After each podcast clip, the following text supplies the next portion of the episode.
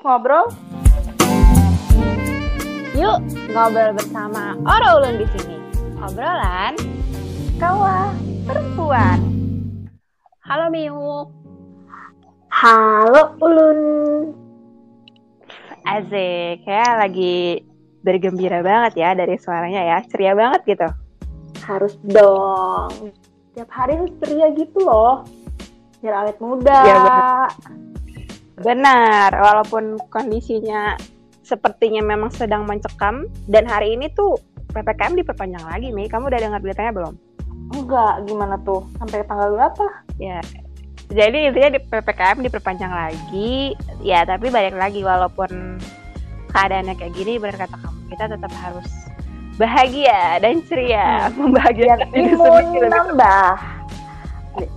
siap siap jadi uh, bahasan kita kali ini uh, adalah tentang ya tentang menikah kita akan bahas menikah walaupun kita belum menikah Iya. Aduh. Berat. agak agak berat sebenarnya cuma untuk bahasan orang yang belum menikah sepertinya lebih terasa ringan gitu ya jadi jadi uh, hari ini banget barusan sore ini aku tuh datang ke undangan nikahan teman aku teman aku SMA Hmm? jadi ada dua tipe golongan ketika kita bersama sama orang yang kan aku nih tinggal di kampung ya Mi. Jadi untuk menanyakan hal-hal mungkin yang kesannya pribadi itu mungkin udah biasa. Ditanyanya seperti biasa adalah kapan Apa Yusul tuh? nikah? Iya? Iya, Ke- parah banget. Terus? ditanya gitu juga? Hmm, sering banget kalau kayak gitu tuh. Malah malah lebih lebih parah tuh kalau tetangga-tetangga nih nanya kayak gitu. Iya, Apalagi iya. kita kita yang udah lulus gini kan. Udah umur berapa? Benar. Jadi ditanya kapan Kayak- nikah? di umur di umur yang udah kepala dua ini emang sepertinya emang waktu yang tepat gitu untuk menikah apalagi untuk cewek ya kan Mm, benar. Iya. Harusnya ya. satu ya satunya lagi golongannya ya udah biasa aja nggak menanyakan hal kayak gitu nah ketika ada orang yang nanya kayak gitu jawabanku cuma iya nanti hari Jumat entah entah entah itu hari Jumat tahun berapa nggak tahu yang penting hari Jumat aja Kalau Jadi- kalau aku sih Hmm. pengen pengen banget nih dijawabnya kayak gini. Kalau ditanya kapan nikah? Ntar aku jawabnya Hmm. kapan mati? Aku tanya gitu ya gimana? Tapi nggak berani. Iyalah, biasanya nanya yang lebih tuaan. Kita masih memegang adat ketimuran gitu. Kecuali kita hidup di ini, ya, hidup di Amerika ya. Sebenarnya uh, orang nanya kayak gitu tuh nggak salah sih, karena kan biasanya lama nggak ketemu gitu kan, tiba-tiba aja Hmm. ketemu dan momennya emang dalam kondisi pernikahan, jadi ya sah-sah aja sebenarnya nanya kayak gitu. Cuma Sah aja sih? Hmm. Cuman makin lama makin lama kok kok capek juga ya gitu. tapi tahu nggak sih sebenarnya itu tuh sesuatu hal yang basa-basi nggak sih? Iya ya benar-benar basa-basi ya. Kayak sama kayak apa kabar gitu nggak sih? Iya, cuman pengen tahu aja kabar ka- kamu gimana hari ini sebenarnya. Cuman pengen tahu obrolannya aja gimana. Itu iya nggak sih? Iya ya. Tapi biasanya orang tuh nanya ke fase berikutnya yang belum kita tempuh. Misalnya gini, aku lagi kuliah gitu, ditanya kan, gimana skripsinya, gitu kan? Tanya Iya. Ya kapan wisudanya gitu kan? Memang selalu ke fase berikutnya. Jarang yang bertanya kayak kondisi keadaan kamu sekarang. Padahal Hmm.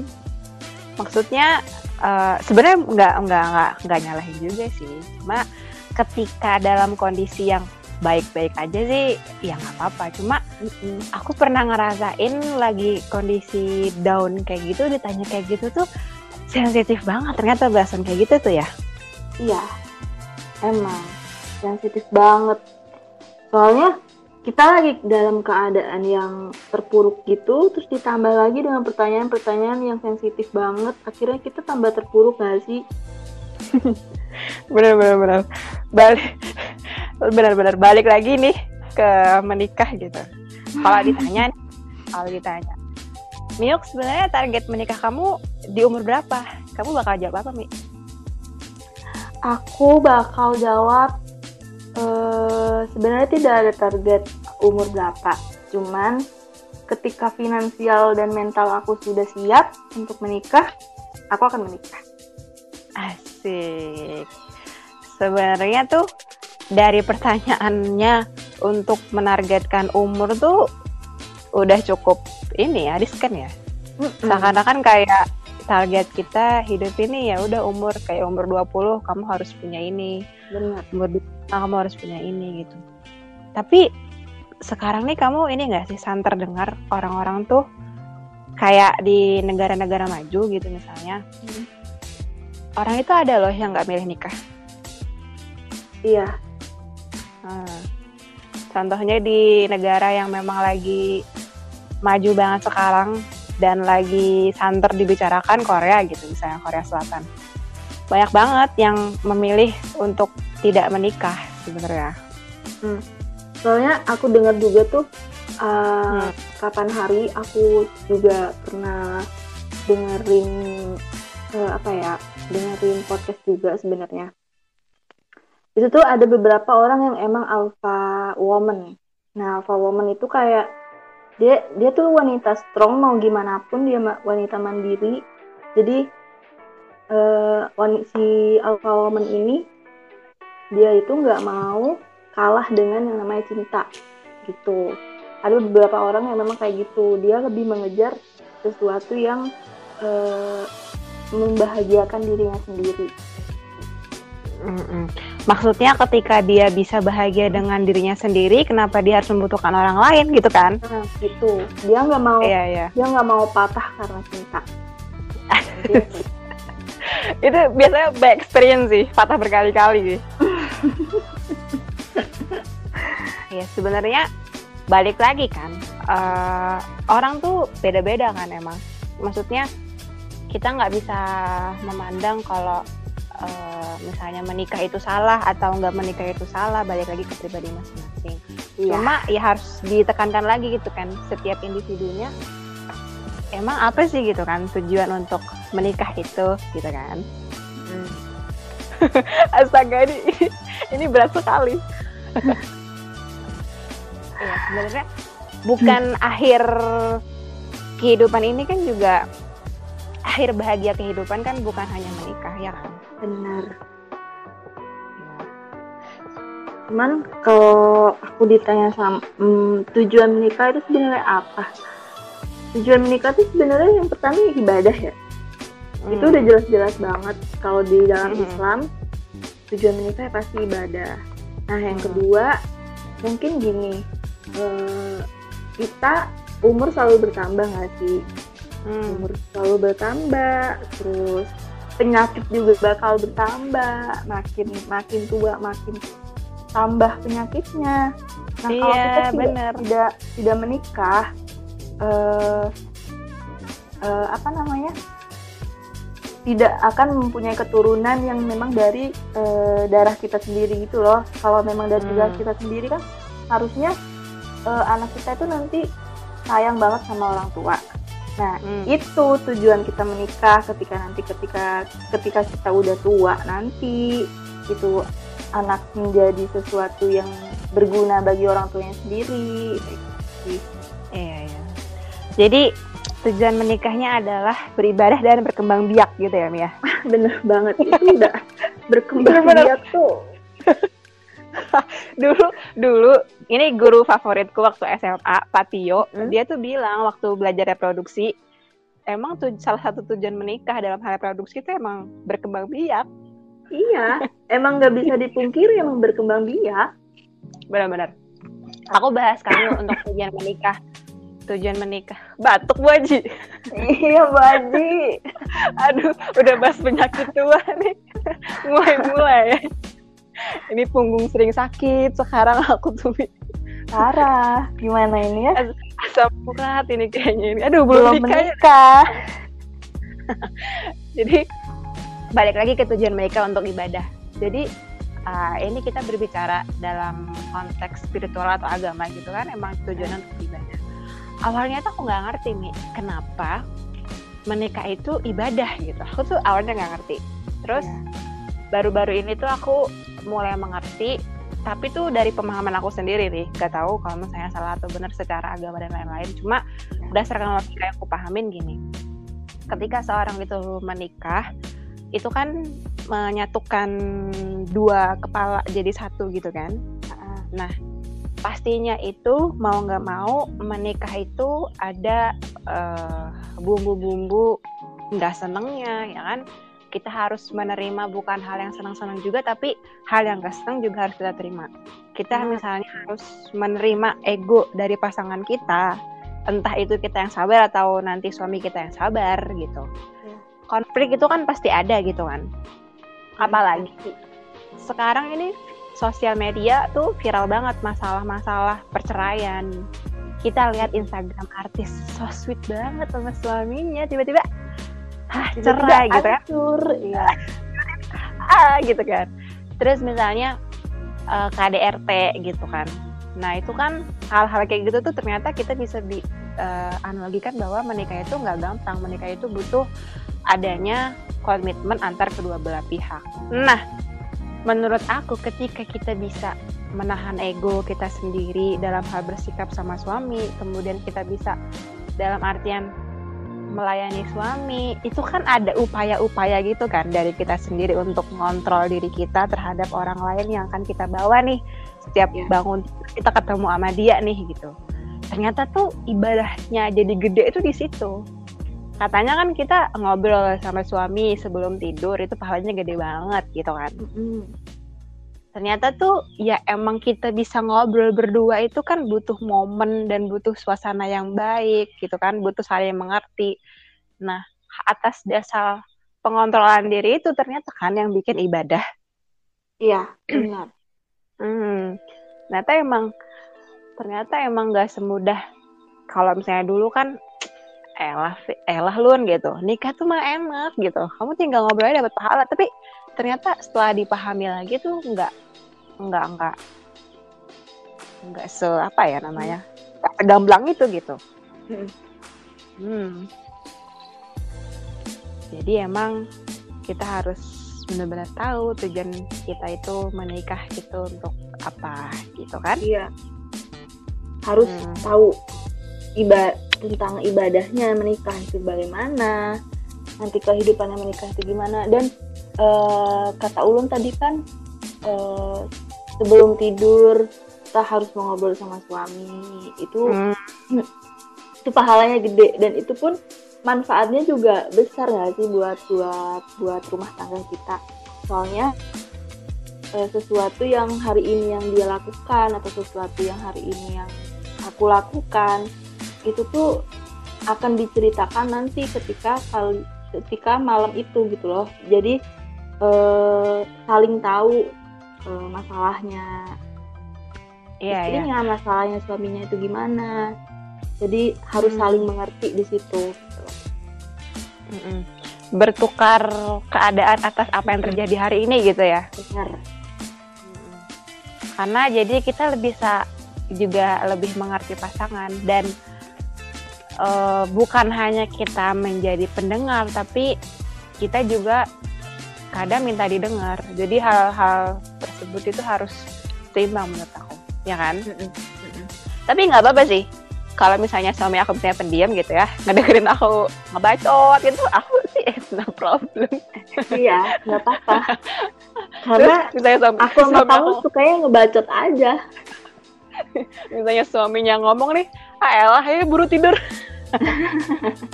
emang jahat banget nih.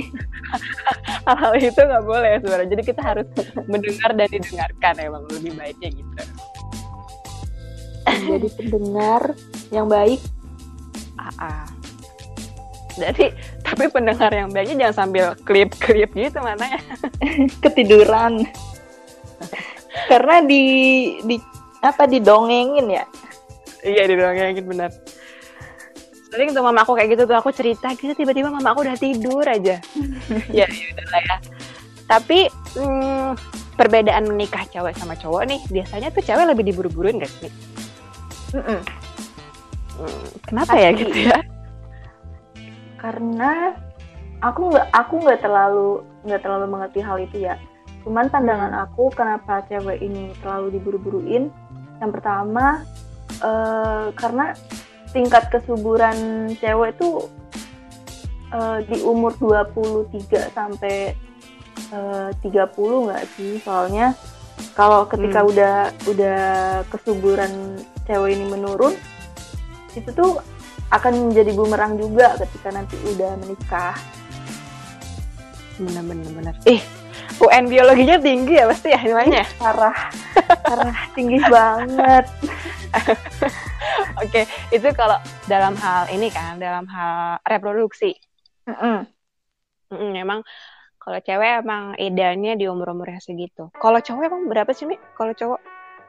kalau se- setahu aku sih dua- 25 itu udah bagus buat cowok Hmm, ya, jadi emang lebih lebih dulu cewek gitu ya untuk masa cewek. Hmm, Jadi cewek nikah sama orang yang lebih tua tuh bagus ya berarti ya? ya nggak apa-apa. Karena kan eh, eh, apa ya kita harus butuh butuh pasangan yang lebih dewasa. Pemikirannya mungkin yang lebih tua itu lebih dewasa pemikirannya. Dia kan udah banyak pengalaman segala macem gitu loh daripada eh, apalagi sesama sesama umur. Itu tuh lebih susah karena egonya masih sama Oh gitu. Sesama umur lebih susah ya, ya? Iya, karena egonya masih sama. itu itu Oh. yang aku rasakan ketika aku lagi pacaran ya sama orang yang umurnya Hmm. sama. gitu. Tapi Hmm. kalau umur yang lebih lebih dewa, lebih tua daripada aku, emang kedewasaannya itu beda sama umur yang sama dengan aku. Ah, gitu-gitu. Iya, ya. Ras- eh, rata-rata tuh kayak gitu. Cuma aku dulu pernah dibilangin sama teman aku, eh, dia, aku tuh cerita gitu tentang teman aku gitu, cerita tentang Mhm. aku, teman aku. Terus eh, dia bilang kayak gini, ulun kedewasaan itu bukan ditentukan dengan umur. Dia tuh bilang kayak gitu. Jadi memang ya, maksudnya yang dia maksud kedewasaan itu memang cara pola pikirnya gitu kan atas pengalaman hidup yang udah pernah dia laluin gitu. Misalnya nih kita compare sama ada orang umur 25 tahun gitu. Ya. dia tuh eh, ternyata belum cukup dewasa untuk kita misalnya ngajak ngobrol suatu hal misalnya topik A gitu. Nggak nyambung nih gitu. Umur ada ada yang umur 23 terus kita ngajak ngobrol topik A gitu. Ternyata nyambung gitu jadi kan mm, ternyata di samping umur yang lebih eh, tua itu juga pengaruh lain itu dari faktor experience orangnya ya nggak sih Iya, pengalamannya orang gimana di situ. Itu menjadi Benar-benar. sesuatu hal dasar buat orang itu emang dewasa apa enggak sih. benar-benar jadi se- jadi itu nggak masalah kalau misalnya kita pengen sama yang seumuran atau yang lebih muda ya kan? Ketika ternyata cocok-cocok aja dan ternyata kita bisa nyambung nih ngobrolin hal misalnya ngelihat sapi sendirian di pantai gambar sendiri terus sama-sama ketawa gitu kan seru juga gitu. Kayak ini ya siapa sih yang artis beda banget itu? Vincent sama eh Vincent. Desta sama istrinya ya nggak sih? Ya, beda banget. Iya, yang Vincent kayak om-om pedofil gitu katanya. Tapi yang istrinya kalem banget. Iya, itu kan ceweknya yang lebih muda. Ini Usi Sulista Sulistiawati itu, Itu itu kan muda An- Andika ya. mm-mm. awet aja hubungannya sampai sekarang. Jadi emang beda-beda faktor tiap orang. Cuma kebanyakan ya lebih tua tuh lebih dewasa gitu kan. Hmm. Ada beberapa faktor. Yang Karena emang pengalaman itu penting banget. Hmm. Jadi eh, berarti hmm, sebenarnya nggak salah-salah juga ya orang nyuruh kita di umur 20 kayak gini buat ya kapan nikah? gitu kan. saya khawatir juga. Khawatir juga pak. Apakah dia tidak menyukai laki-laki? Apakah dia menyukai sama jenis eh aku dulu pernah ditanya gitu sama Mi ini kayak nggak nggak suka cowok jangan suka sama aku lagi. Kenapa jomblo terus mbaknya? Gitu ya. Terus mbaknya. Soalnya anda tidak bertanya gitu kan kenapa saya jomblo gitu. Uh, ya jadi pilihan masing-masing orang. Tapi kalau aku sih nggak masalah sih mi. Mau umur gimana. Cuman masalahnya mukaku ini boros jadi sama ketika... aku juga boros umur dua tiga udah kayak umur mak-mak pakai daster tuh udah hmm. udah kayak mama anak satu dua Iya, dulu aku nggak nggak nggak favorit, nggak tahu loh mi rasa nyaman pakai daster, pakai daster enak enak banget ya. Enak banget emang. Parah parah parah. Aku tuh bingung ibu-ibu kok suka pakai daster gitu. Ternyata setelah aku merasakannya enak banget ya pakai daster. Karena nggak punya beban apa-apa di badan. kayak tidak memakai selai kain jadi balik lagi kalau misalnya ada dede-dede gemes gitu ya itu aku tuh ini kayak cocoknya jadi anak gitu begitu kan ada tuh ada ada tingkat gitu kan. Biasanya waktu kita kuliah gitu kan. Itu tuh aku anggap aja semuanya tuh anak-anak aku gitu. Karena nggak tahu kenapa ya. Kayak tua aja gitu aku ngerasanya. Mukanya boros iya. banget emang. Iya emang boros banget. Kita udah tapi tapi malah uh, kita udah dua emang emang udah umurnya kali ya dua tiga. Tapi beberapa orang sekarang kan SMA aja masya Allah sekarang udah. Kenapa? Masya Allahnya kenapa tuh masya Allah udah kayak kita yang udah umur dua tiga oh jangan salah loh. Teman kerja aku tuh waktu aku pertama kali ketemu dia tuh mukanya tuh baby face banget nih. Aku kira tuh mm -hmm. ya udah dia tuh di bawah aku gitu umurnya. Terus pas aku pas teman-teman aku nanya kayak kak nggak kak kuat kan kak? Kuat kan kak? Gitu-gitu. Kata aku kenapa dia dikuat-kuatin? Ternyata dia lagi hamil mi. Dan dia udah punya anak satu jadi anaknya sama yang dikandung tuh anaknya dua. Jadi baby face banget mukanya. Jadi ya agak mengiri ya kak. Aku iri aku bilang. Jadi ternyata uh, muka aku emang boros. Ini, ini bukan bukan bukan insecure ya cuma kayak karena udah menerima jadi ya udah dibawa ketawa aja ya sih iya. Cintai nah, diri sendiri aja cintai diri sendiri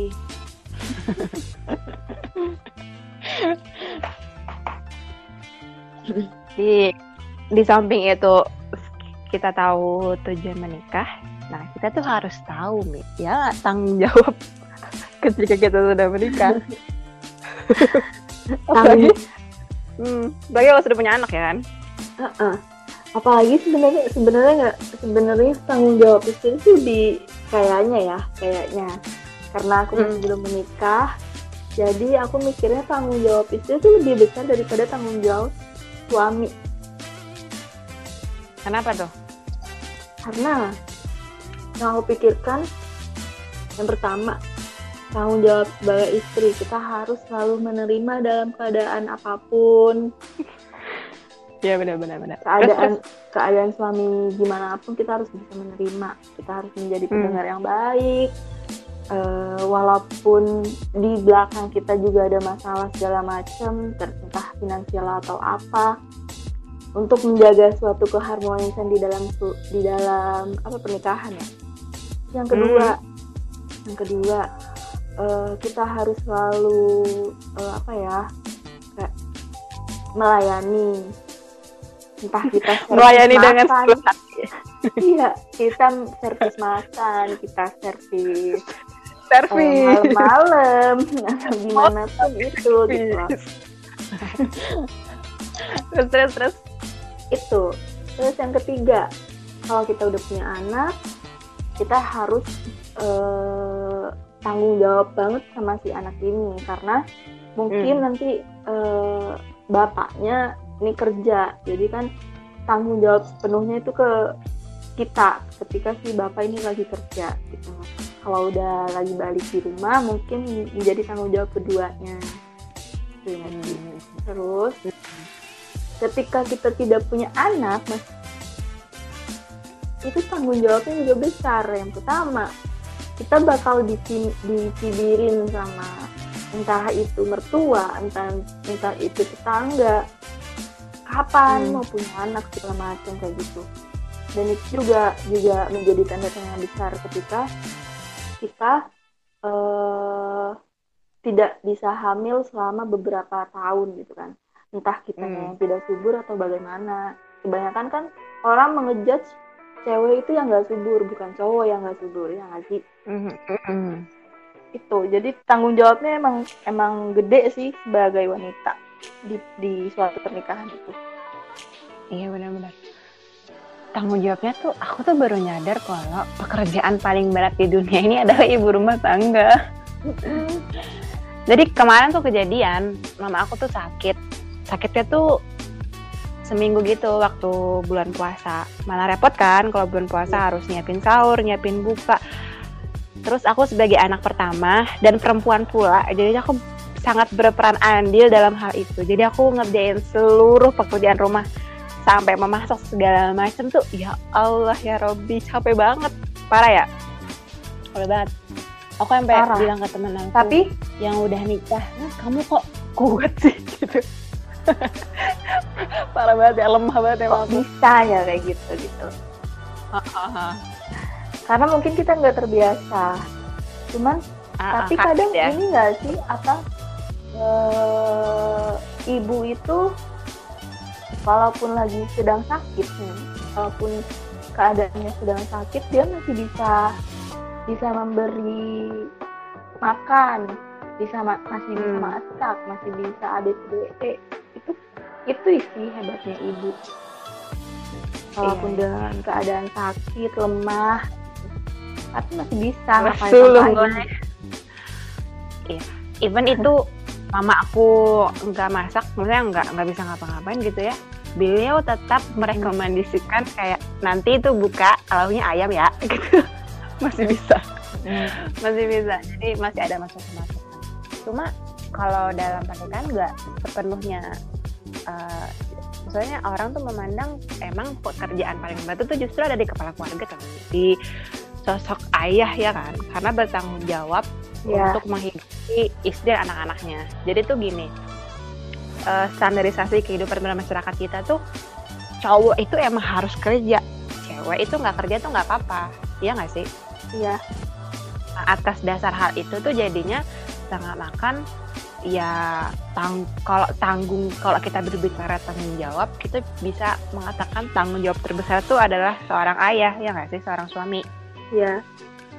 tapi kalau pekerjaan Kalau pekerjaan emang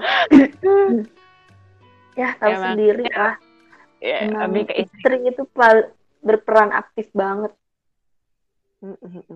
Sebenarnya tuh istri misalnya ya Hmm.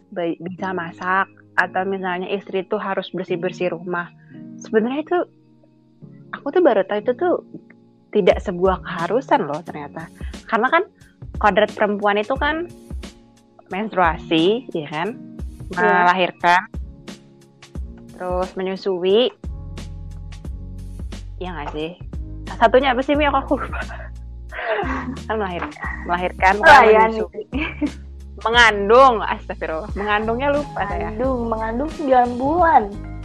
Mm-mm. Jadi uh, untuk kayak misalnya kita masak, istri harus bisa masak atau istri harus bisa beres-beres rumah itu ternyata harusnya enggak.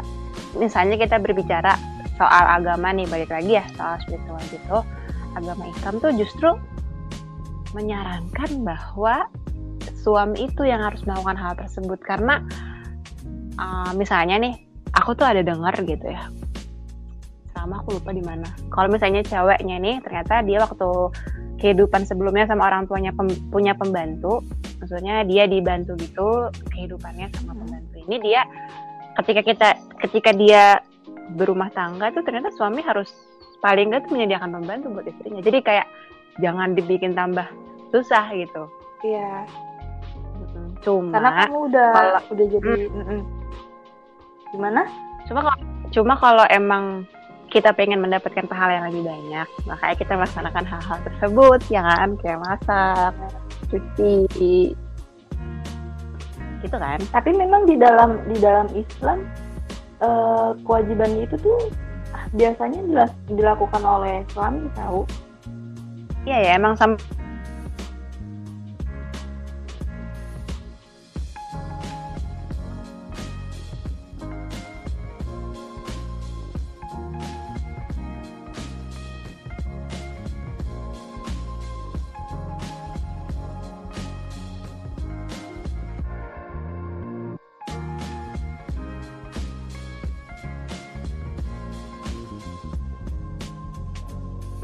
sorry. Aku masih masih putus-putus nggak? Udah nggak? tapi tadi record kan? Sorry Adit nanti tolong record gak tahu. Tiba-tiba sinyal aku minyak berhenti ngomong. Jadi kata Adit Tria 10 menit lagi. Tadi Oke. sampai mana Mi? Bahasannya Mi? Sorry. Tadi sampai di ini. Di apa? Kewajiban istri itu sebenarnya kewajiban suami oh gitu oke yang Sekarang aku biasa yang lanjut ya. lakukan ya. Mm-mm. berarti tadi suara kamu udah record kan cuma aku nggak ada balasan gitu kan Ada, iya. Oke, Nah, keren sekali. Oke, aku mulai ya. Iya benar, emang sependengar aku juga kayak gitu. Cuma ya balik lagi, kadang tuh dicap kalau misalnya kita nggak bisa ngapa-ngapain, misalnya nggak bisa masak, nggak bisa nyuci itu bukan sebagai istri yang baik. Sebenarnya ya bukan kan kayak gitu juga. Itu tuh kan balik lagi, sebenarnya kita mau mendapatkan uh, pahala yang lebih atau enggak gitu kan. Dan Mm-mm. biasanya kan misalnya nih suaminya emang udah bekerja terus istrinya nggak bekerja ya alangkah lebih baiknya kalau istrinya emang melakukan pekerjaan-pekerjaan rumah kalau misalnya Iya. sama-sama ber- sama-sama berkarir ya itu tuh dibicarain kedua belah pihak aja misalnya emang nggak bisa lagi nih istrinya ngurus karena ada pekerjaan di luar yang mana itu juga membantu perekonomiannya bisa aja diusulin misalnya kita eh, bagi-bagi tugas nih gitu kan bisa ya kan Iya. Betul sekali. Udah, udah bahasan gini udah siap nikah banget. Ini kita tuh sebenarnya ngodein kayak, ayo siapa yang mau nikahin aku? Siapa yang mau nikah? Tapi harus kaya deh ya, harus kaya. Titik. Emang kriteria suami kamu apa, Mi? Gak muluk-muluk sih sebenarnya. Kayak kaya aja udah.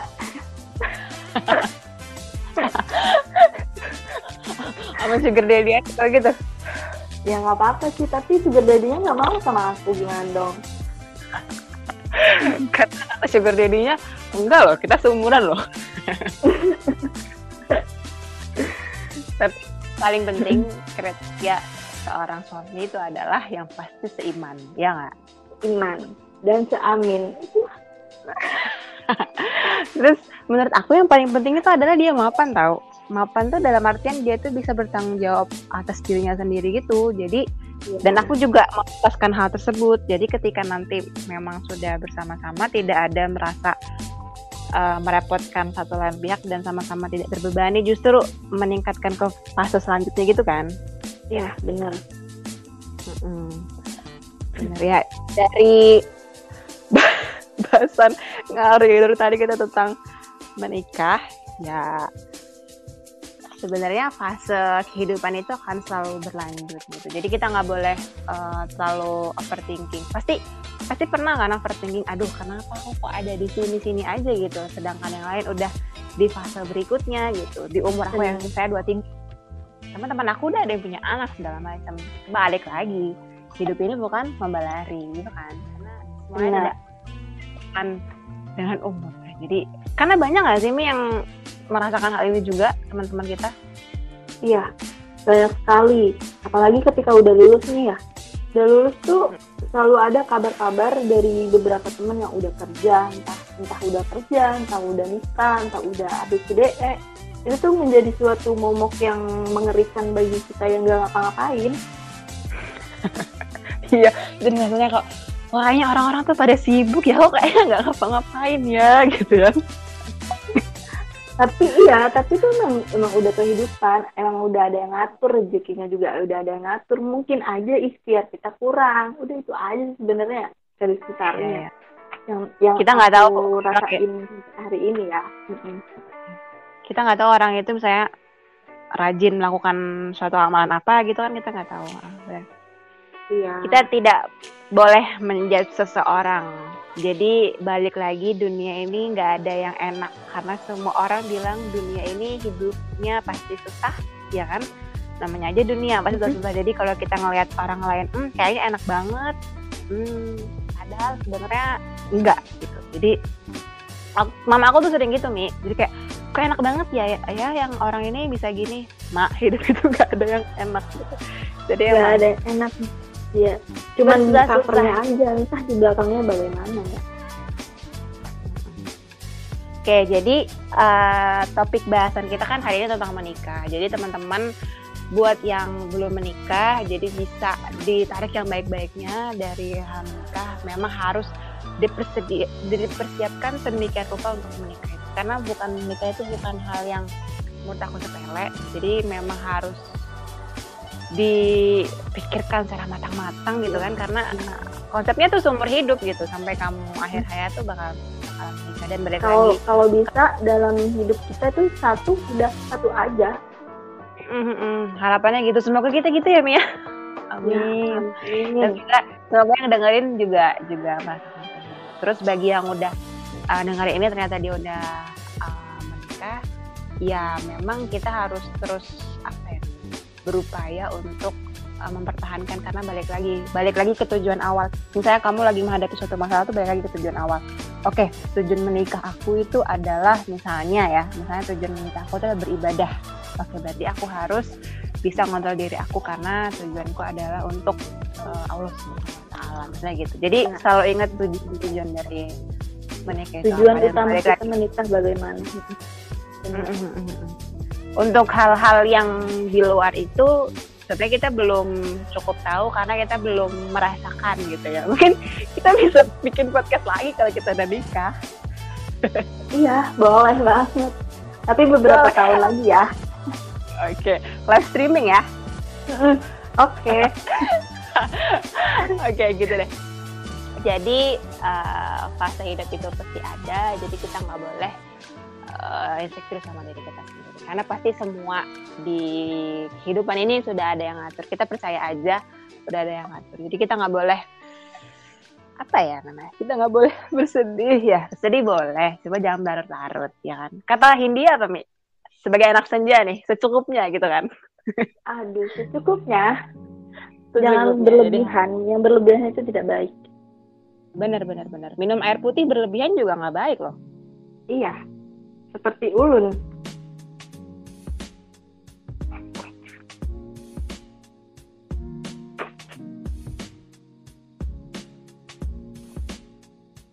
Isu-isu sekarang atau yang kerap kita rasakan dari keresahan-keresahan kita. Jadi teman-teman terus pantengin obrol ulun berikutnya. Oke, jadi uh, terima kasih ya Mia udah ngeluangin waktunya. Sama-sama ulun. Iya, kita pokoknya kita harus ngobrol lagi. Oke, siap ditunggu teleponnya. Hai siap. Oke terima kasih ya, terima kasih juga yang udah dengerin podcast kita kali ini. Lagi.